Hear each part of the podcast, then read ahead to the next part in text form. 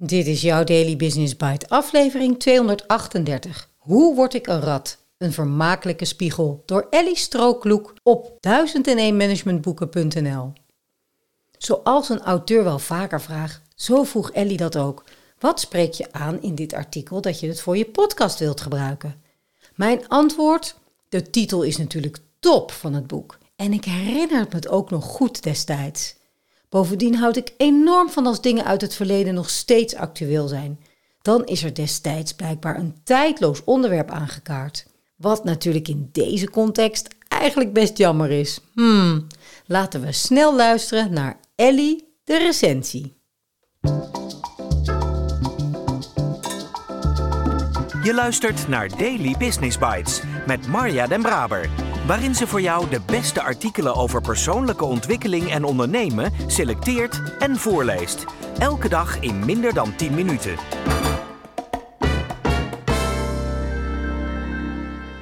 Bij de publicatie van het boek Hoe word ik een rat van Joep Schrijvers in 2002 was er blijkbaar een hoop reuring. Dit is een stuitend boek over hoe mensen ten koste van anderen hun zin krijgen in een organisatie door rattengedrag. Zo vatte het Nederlands Dagblad dit boek bondig samen, lees ik. Nu, bijna twintig jaar later, zou ik zo'n reactie niet meer verwachten. Wij zijn niet meer verbaasd over de rattigheid van onze collega's en bazen. We herkennen de voorbeelden van de auteur, komen ze misschien zelfs tegen in de moderne management- of zelfhulpboeken. Maakt dat dit boek gedateerd? Nee, zeker niet. Het is een feest der herkenning, mooi geschreven, soms confronterend, altijd vermakelijk. Waarom zou je over politieke spelletjes, kortweg rattigheid, willen hebben? vraagt de auteur ons. Sensatiezucht? Nee, in dit boek kom je geen beruchte namen of schandalen tegen. Een aanklacht dan? Nee, niemand van ons heeft schone handen, dus niemand kan de maat worden genomen. Om rattigheid te kunnen herkennen en je er tegen te verdedigen? Nee, Volg maar een assertiviteitstraining. We gaan het hebben over rattigheid om een rat te kunnen worden, om de braaftaal van zingeving, daadkracht en missie weer terug te vertalen in waar het om gaat. Zakkenvullerij, dominantie en gekonkel. Een veelbelovend begin, dit eerste hoofdstuk. Welkom in het riool. In het tweede hoofdstuk doen we eerst een self-assessment over hoe manipulatief we al zijn. Disk voor ratten, zeg maar. Je krijgt 13 stellingen waar je ja of nee op kunt antwoorden, zoals ik houd me met genoegen met politieke spelletjes bezig. Ik laat altijd het achterste van mijn tong zien. En doel heiligt de middelen. Dat viel voor mij niet tegen. Misschien heb ik me na 40 jaar in het bedrijfsleven aardig aangepast aan de heersende moraal. Elk van de stellingen wordt daarna lekker cynisch toegelicht, waarbij je je gaat afvragen of je jezelf toch niet te braaf hebt gescoord. En natuurlijk scoor je gelijk die irritante baas van je. Hoofdstuk 3. De Arena. Hoofdstuk 3 heet De Arena. Het strijdperk in de organisatie. Wie heeft er macht? Welke belangen spelen er? De auteur stelt dat je, zodra je in een organisatie komt, het strijdperk betreedt. Kenmerkend van een arena zijn onder andere tegengestelde belangen, aanwezigheid van ratten, en veranderingen op komst. Dus ja, elk bedrijf is een arena. Dus gort je zwaard maar om. Door naar hoofdstuk 4 met de negen bronnen van macht. Zorgen dat je een monopolie, kennis of functie hebt.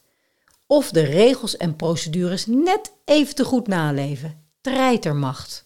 De macht van het lichaam, gebruik maken van je sekse of leeftijd of het aantal medestanders. Panoptische onderwerping, dat klinkt intrigerend. Dit gaat over hoe goed je zicht hebt op je tegenstander. Netwerkmacht en de macht om te betoveren, bijvoorbeeld met logo's, kleding of events. Deze bronnen kun je vergroten bij jezelf en verminderen bij je tegenstander. De streken en zetten van hoofdstuk 5 gaan over de manieren waarop ratten te werk gaan. Denk aan vernederen, ondermijnen, roddelen en lekken, lobbyen, bewijzen verzamelen en sporen vernietigen. Dat laatste wordt prachtig toegelicht met een voorbeeld. Vergeet vooral geen filmrolletjes te vernietigen wanneer daarop voor jou heikele foto's staan. Stop ze in een badje met verkeerde chemicaliën. Ik geef toe, het is een defensieve techniek. Ha! Hoofdstuk 6. Het grote spel gaat over je tactiek. Met beginspel, middenspel en eindspel. Weer een voorbeeld. Zorg dat je altijd de regie hebt. Vraagt je baas je een voorstel te maken voor iets? Niet doen. Geef aan dat je graag wil meewerken op basis van een voorstel van zijn kant. Dat komt natuurlijk niet, dus stuur je hem een herinnering en dat stuk bewaar je zorgvuldig om later te kunnen aantonen hoe laks je baas is en hoe slecht hij met jou omgaat. Het laatste hoofdstuk, surfen naar de traditie, wijkt wat af van de voorgaande delen. Het is filosofisch en gaat over wat de auteur de wil tot macht noemt. Hij quote Plato's De Staat, waarin als besturingsmodel niet alleen de democratie, de tirannie en de oligarchie worden behandeld, maar ook de timocratie wordt genoemd. Ik kende dat begrip niet, dus naar Wikipedia. Hoe meer geld, hoe meer wettelijke rechten je hebt. Verder gaat dit hoofdstuk over retorica, waarvan de basishouding was dat het er niet om ging de waarheid te spreken, maar de ander te bespelen. Wat we nu in communicatietrainingen leren, stelt de auteur. Dan komt Machiavelli's De Heerser aan de orde, waarin het behouden van macht als doel voorop staat en alle middelen heiligt. Het hoofdstuk besluit met Darwin en de conclusies dat wij ratten zijn omdat we willen overleven. Zo simpel dus. De epiloog is apart over een oude vrouw die euthanasie ondergaat en ik begrijp er niets van. Het is de essentie van het boek, stelt de auteur. Intrigerend. Nog een keer lezen dan maar. Wat is dit boek heerlijk geschreven? Na een wat stroef begin waar ik even in moest komen, volgen heel grappig en vaak sarcastisch geschreven hoofdstukken met prachtig taalgebruik.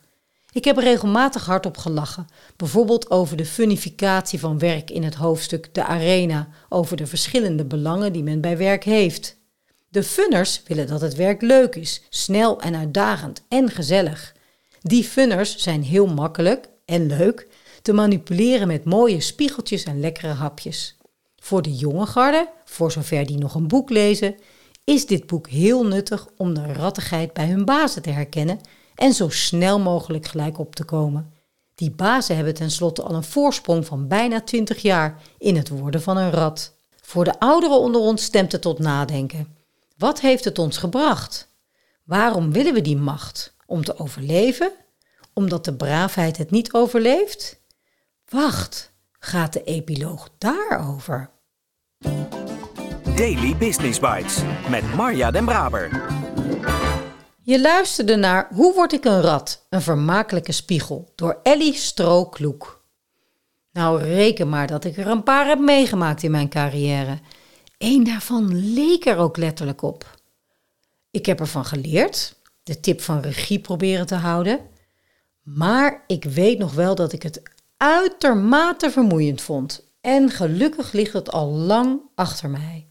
Daarom heb ik snel even verder gekeken op de site van Ellie. Wat een leuke ontdekking deze Ellie en ook haar site 1001managementboeken.nl. Zij leest graag lekker in managementboeken en daarom bestaat 1001 managementboeken. Ik zie al een parallel. Ik houd van artikelen verzamelen, lezen en inmiddels heb ik er een podcast van gemaakt. Waarbij dit een prachtig einde is van deze aflevering.